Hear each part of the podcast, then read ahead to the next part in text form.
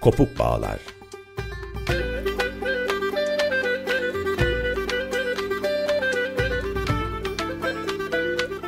Nesnelerin Uzun Tarihi.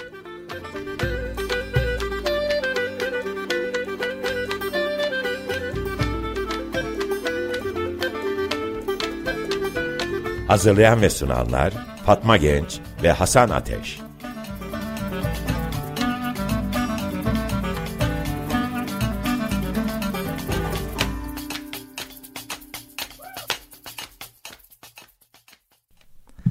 Radyo'dan merhabalar. Kopuk Bağlar'ın yeni programında beraberiz.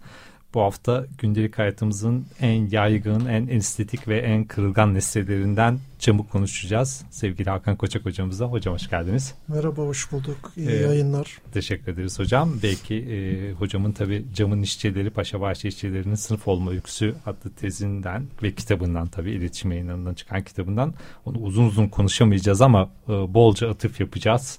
E, belki konuşamadıklarımızı da kitapta bulunacaklar bulabilir değerli dinleyicilerimiz. Şimdi üç siyah, üç beyazları konuşmaya devam ediyoruz. Cumhuriyet tarihi boyunca yani demir, kömür, çelik, e, şeker, pamuk ve e, un ekmeği konuşuyoruz.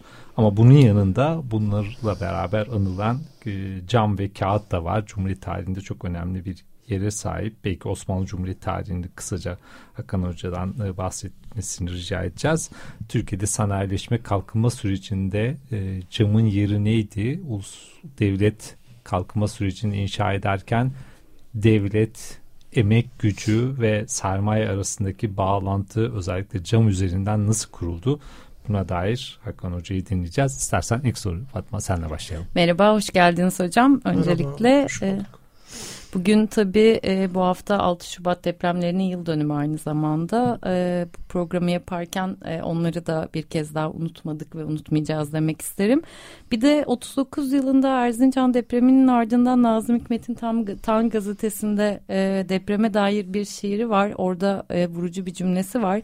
Kesemde verecek şeyim yok ama yüreğimden verdim der. Biz de yüreğimizden e, acıları yaşadık oradaki insanlarla birlikte. E, bir de bugün Hakan hocamızın da içinde yer aldığı Türkiye Sınıf Araştırmaları Merkezi'ni de anmak isterim. E, çünkü hocanın yaptığı emek tarihi çalışmalarında orası da önemli bir yerdi. Ve e, oranın emekçilerinden sevgili Serap e, Kurt'a geçirdiği bu zor dönemde sağlık ve şifa dileklerimizi göndermek istiyorum.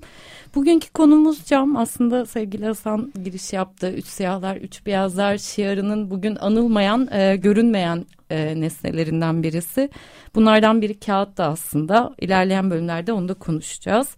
E, cam tarihin bilinen en eski ve en özgün malzemelerinden hem kırılganlık hem de kalıcılık barındıran fiziki yapısı var. Aynı zamanda da e, çeşitli şekillerde renk ve şekil alabilme özelliğiyle yüksek estetik ürünlere dönüşebilir e, bir e, ürün. Maddi ve kültürel gelişiminde sembolü olarak ifade edilebilir.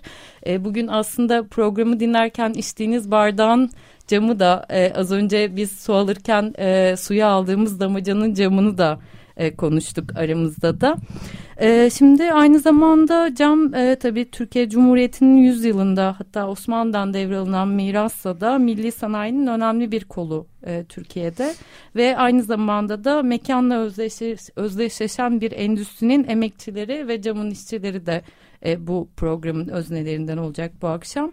E, Edip Cansever mendilimde kan seslerinde insan yaşadığı yere benzer der. Tam tam da Paşabahçe işçilerini bize hatırlatırcasına.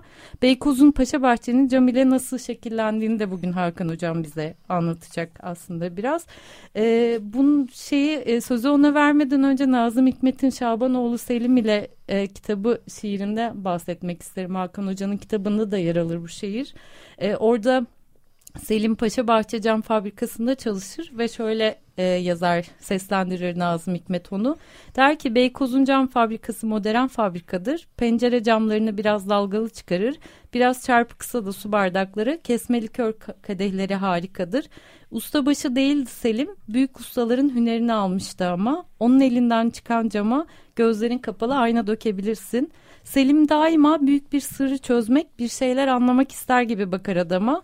İnandıklarına katıksız inandı, sevdiklerini hilesiz sevdi Selim. Severdi pencere camlarını, severdi lamba şişelerini, kara fakileri sever, likör kadehlerine düşmandı der. E, kumu cama dönüştüren sıcağı ve fabrikanın bütün bir semtin hayat damarı oluşunun aslında e, Selim'in e, sesiyle Nazım'ın can verdiği dizelerde e, kısaca giriş yapmış oldum ben de. E, tabii cam konuşurken Edip Cansever'in Hizmetçi Firdevs ve Cam Bölmeler şiirini de ben araya kaynak yaparak bahsetmek isterim biraz. Çünkü aslında bu bir yandan da e, emekçi direnişine de benim için önemli bir şiirdir. Der ki Firdevs Edip Cansever'in dizelerinde ben içi geçmiş bir kadınım alt tarafı cam bölmeleri siliyorum. Binlerce cam bölmeyi siliyorum neden hiç bitmiyor'a kadar der. E, ve durmadan siliyorum bunu hep yapıyorum kurtulamıyorum yaşamak ben oluyorum Firdevski birden yok oluyor dediği yerden bu alanın ne kadar hareketli bir alan olduğunu da hatırlatmak isterim. E, çok uzattım sözü sevgili Hakan hocama cam nasıl oluşur nedir cam diye sorarak başlamış olayım. Çok teşekkürler e, bu girişler ve sunum için, e, güzel hazırlık için. Evet, yani cam gerçekten uygarlığı temsil eden nesnelerden biri. E, çok ilginç bir nesne. Aslında özü e, kumun ergitilmesi sürecinde e, ortaya çıkan şeffaf e, ve günlük yaşamda bugün artık çoğu zaman gördüğümüz hatta görmediğimiz birçok şeyde de kullanılan olağanüstü bir materyal. Milattan önce 16. yüzyıla kadar e, uzatılıyor. İlk cam ürünlerin bulunuş tarihi ve aslında içinde yaşadığımız coğrafyada yani Doğu Akdeniz Havzası, Mısır, Mezopotamya, e, bugünkü Lübnan'ın, Filistin'in olduğu coğrafyalarda e, çeşitli cam ürünlerin, cam teknolojisinin geliştiği ve yine bununla paralel tabii cam eşya ticaretinin de geliştiği görülüyor. Hem yapılan arkeolojik kazılar hem de e, denizdeki sualtı kazılarında çok yoğun bir e, cam ticareti var. Sonraları tabii Roma döneminde özellikle artış kaydediyor. Burada cam teknolojisinde çok önemli bir aşama var. Üfleme tekniği. Yani bu e, pipa ya da pipo denen borularla ergitilmiş e, o sıvıdan alınan bir parçanın üflenmesiyle şişirilmesi ve ona e, kalıplayarak, döndürerek çeşitli e, işlemler yapılması. Ve bu teknoloji aslında günümüzde de hala e, varlığını sürdüren teknik olarak goble imalatı, el imalatı denen bir teknik. Fakat e, tabii diğer birçok şey gibi 19. yüzyıla yaklaştığında gelindiğinde camda da bir makineleşme süreci e, giderek artan oranda görülüyor ve 1800 yılların ortalarına geldiğinde aslında özellikle fırın teknolojisindeki gelişmeler ve e, başta şişe olmak üzere cam materyalin seri imalat, et, imal edilebilir hale gelmesiyle çok daha endüstriyel bir şey oluyor. Fakat tabii cam konuşurken çoğu kez biraz bu estetik yönü öne çıkıyor. Bu ya da bu el imalatı manifaktür yönü öne çıkıyor. O anlamıyla da tipik bir manifaktür üretim. Hatta ilginçtir Marx'ın manifaktür üretimi anlatırken kullandığı örnek cam manifaktürü. Burada çok tipik bir zanaatçı emeği var. Yani o camı ergitilmiş sıvıdan alan, e, sonra şekil veren, e, usta, çırak, kalfa, onlara su taşıyan çırak, e, elden ele dolaşan cam. E, bu anlamıyla da aslında hem cam kendisi e, çok önemli hem de camcılık faaliyeti de e, yani emek tarihi açısından baktığımızda önemli.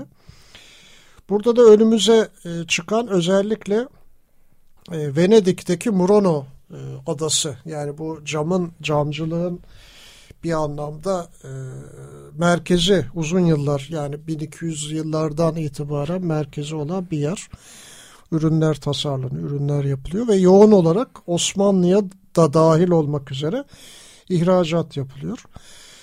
E, Orta Çağ'da sonrasında da e, aslında camcılık bu hani sırdan söz ediyor ya Nazım şiirde bir sır boyutu var. Çünkü o e, camcılık bilgisini saklamaya çalışıyor E, bu konuda daha gelişmiş olan coğrafyalardakiler. Hatta casuslar gönderiliyor yani o bilgiyi alabilmek için filan.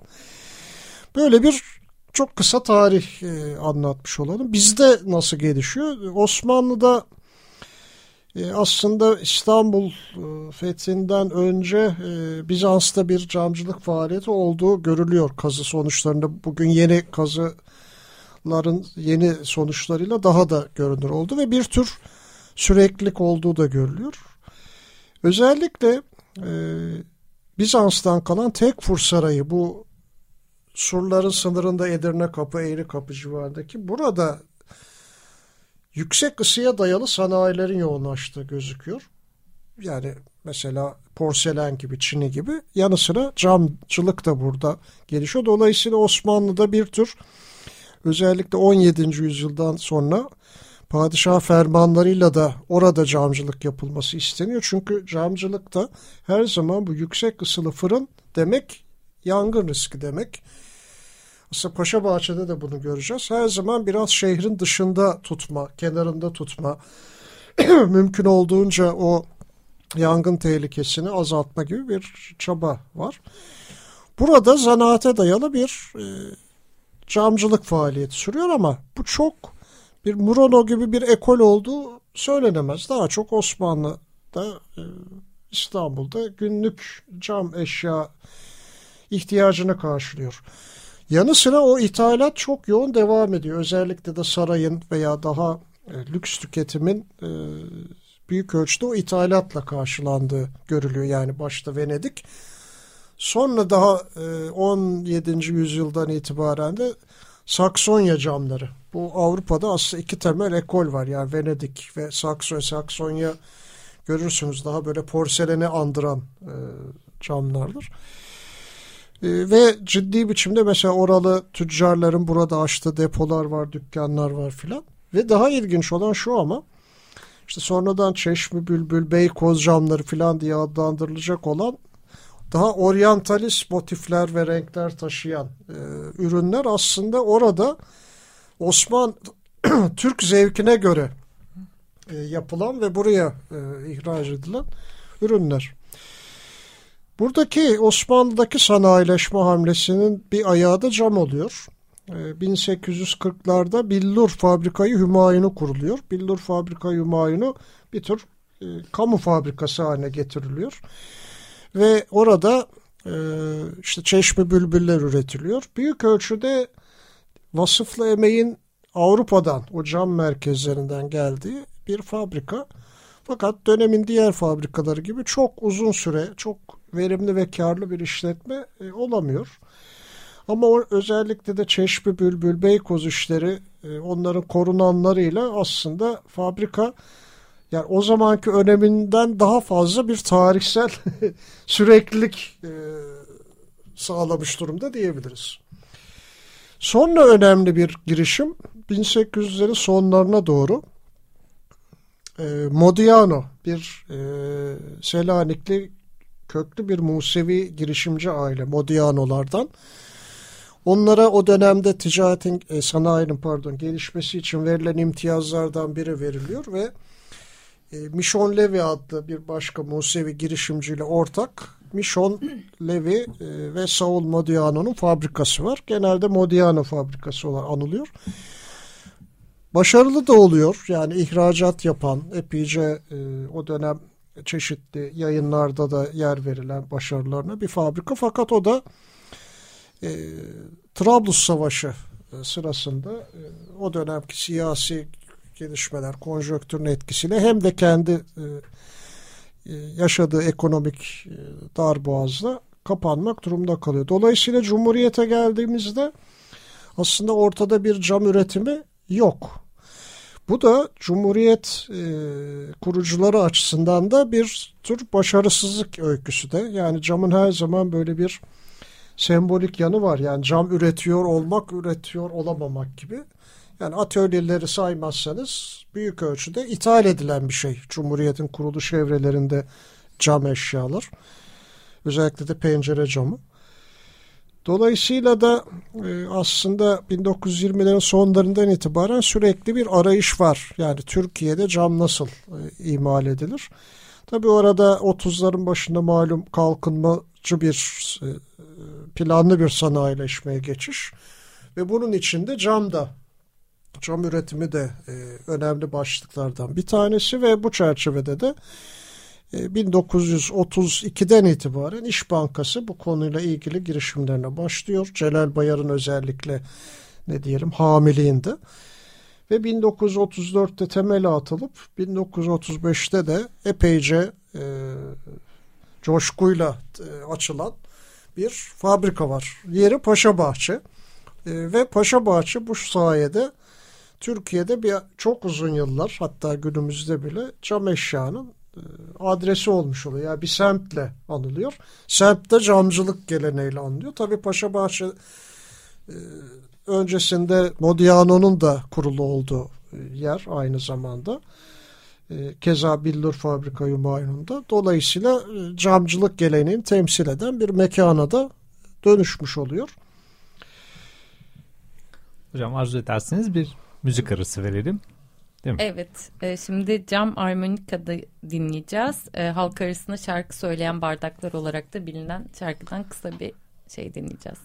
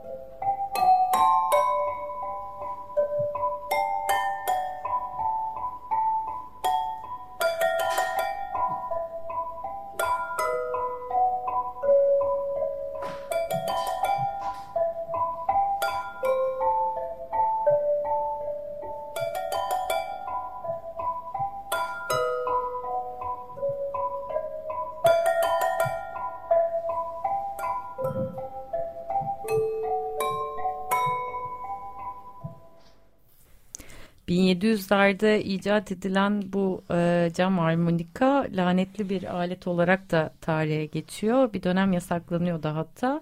E, yasaklanmasının başlıca sebeplerinden biri canlı dinlendiğinde e, insan kulaklarının duyulması, du, e, insan kulaklarına zarar verecek bir e, aralıkta olması. İkincisi de e, yapımında kullanılan kurşun kristali olarak belirtilir. Hatta e, kurşun kristalinin fabrikalarda yapılırken saatler boyunca çalışan işçileri de etkisine aldığı, halüsinasyona uğrattığı hatta bayılmaları neden olduğu da bildirilir. Hatta bazı kaynaklarda Beethoven'ın da e, ölümünün bu e, aletten de olduğu, olduğu ifade edilir. Evet, e, hocam arzu ederseniz Paşa Bahçe ve Beykoz'dan devam edelim. E, bir geçmişi var buradaki cam e, sanayinin. Ama milli cam sanayinin kuruluşu e, çünkü birinci sanayi kalkınma planında da e, camın kendisini bir zaruri ihtiyaç olarak tanımlıyor erken cumhuriyet. E, erken cumhuriyetin cam sanayine dönük belki programı ne ve bunu nasıl inşa ediyor buradan?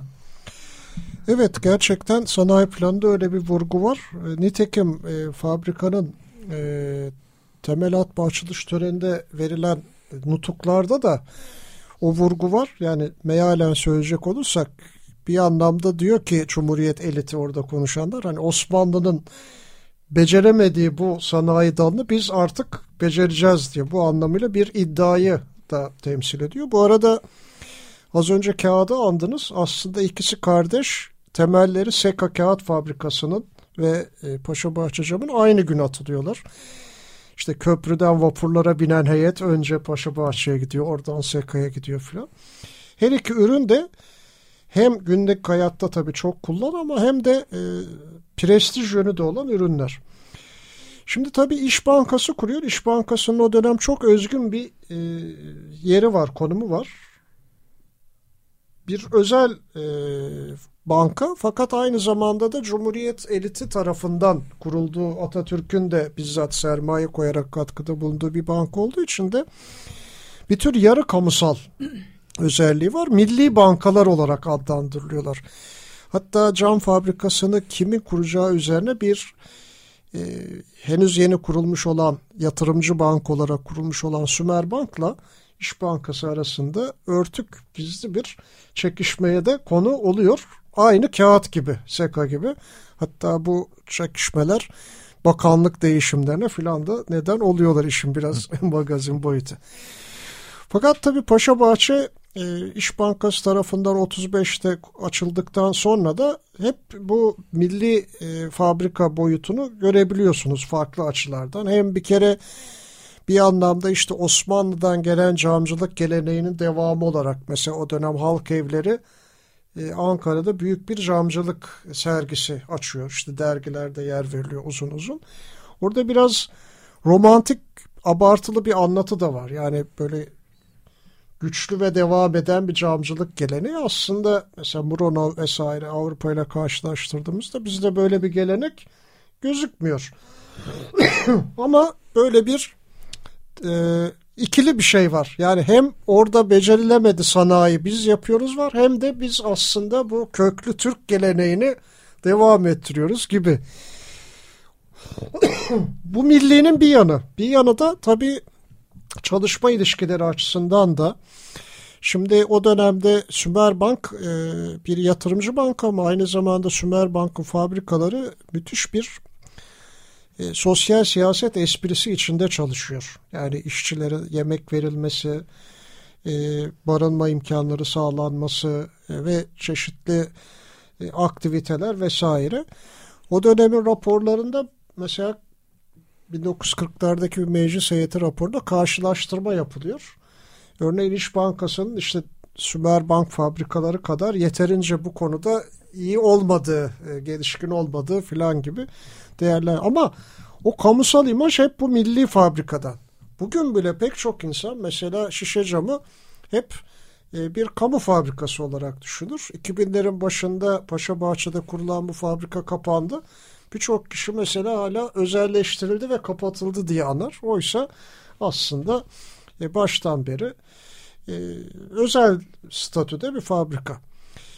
Tabii e, şöyle milli yanları da var. Bu fabrika e, ve şirket e, milletvekili çıkarmış, bakan çıkarmış tabii e, şirket. Yani Ahmet Topçu 50'lerde ilk e, fabrikadan çıkıp milletvekili olan kişilerden biridir mesela. Demokrat Parti milletvekili olarak.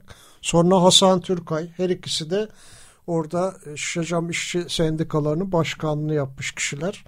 Hasan Türkay Adalet Partisi'nden vekil. işte Ahmet e, Topçu Demokrat Parti'den. 27 Mayıs sürecinde Şahap Koca Topçu fabrikanın efsanevi diyebileceğimiz genel müdürü Sanayi Bakanlığı yapar. Keza 12 Eylül sürecinde de yine kısa bir süre yapar. Dolayısıyla böyle bir e, yönü de var. Yani her zaman e, özel ama e, genel siyasi atmosfer içinde daha farklı yeri olan bir fabrika. E, aynı zamanda tabii işçi hareketi açısından da her zaman e, hem Paşabahçe hem genel olarak cam fabrikaları önemli. Hemen kısaca tabii şeyi söyleyeyim. Paşabahçe cam eşya üreten bir fabrika. 40'larda ee, bir pencere camı üretimi denenir fakat 2. Dünya Savaşı koşullarında bu e, başarılı olamaz. 1960'ların başını beklemek gerekir pencere camı için. Pencere camı başka bir teknoloji çünkü cam eşyadan çok farklı. Yani detaylarına girmiyorum zaman kısıtı nedeniyle. Bu da aslında çok milli bir başarı olur o zaman. Yani artık pencere camı ve giderek hem ev hem işte otomobil ve sonra giderek başka başka e, camlar yani mesela e, laboratuvarlarda kullanılan camlar, e, daha teknik camlar, sanayi camları diye ve Paşabahçe'de tek bir fabrikadan doğan e, şişe cam e, şirketi giderek bir büyük şirketler grubuna sonra 80'lere doğru önemli bir ihracatçı firmaya ve sonra e, günümüzde bir büyük küresel firmaya dönüşür. E, ve yani aslında birinci sanayi planında oluşup devam edip günümüze kadar büyüyen ve devam eden tek örnek olarak kalır. Sümer Bank'ın zaman içinde özelleştirmeyle tasfiye edildiği düşünülürse. E, işçi hareketi açısından dedik. 1930'ları zaten şiirinde söylemiş e, Nazım. O zaman işte TKP'nin gizli hücreleri var vesaire. Ama asıl damga vuran şey 1966'daki Şişecam grevi. Şişecam grevi bir anlamda Türkiye İşçi Hareketi'ndeki dönüm noktalarından birini oluşturur. 1966'daki grevde İşveren Sendikaları Konfederasyonu olan şirketin genel müdürü ve sendika karşı karşıya gelir. Bir bütün olarak sermaye sınıfıyla işçi sınıfının karşı karşıya geldiği bir sembolik e, an olarak o da tarihe geçer. Teşekkürler hocam. Ağzınıza sağlık. En önemli şey yapıyorum. Önümüzde günlerde kağıtta da yine Hakan Hoca'yı alacağız onu da söyleyeyim. Sevgili e, teknik masada Berke Akmeşe var. E, bizi cam bir e, ayırsa, cam ayırsa da her ne kadar ona da yardımları için teşekkür ederiz. Görüşmek üzere. Teşekkürler.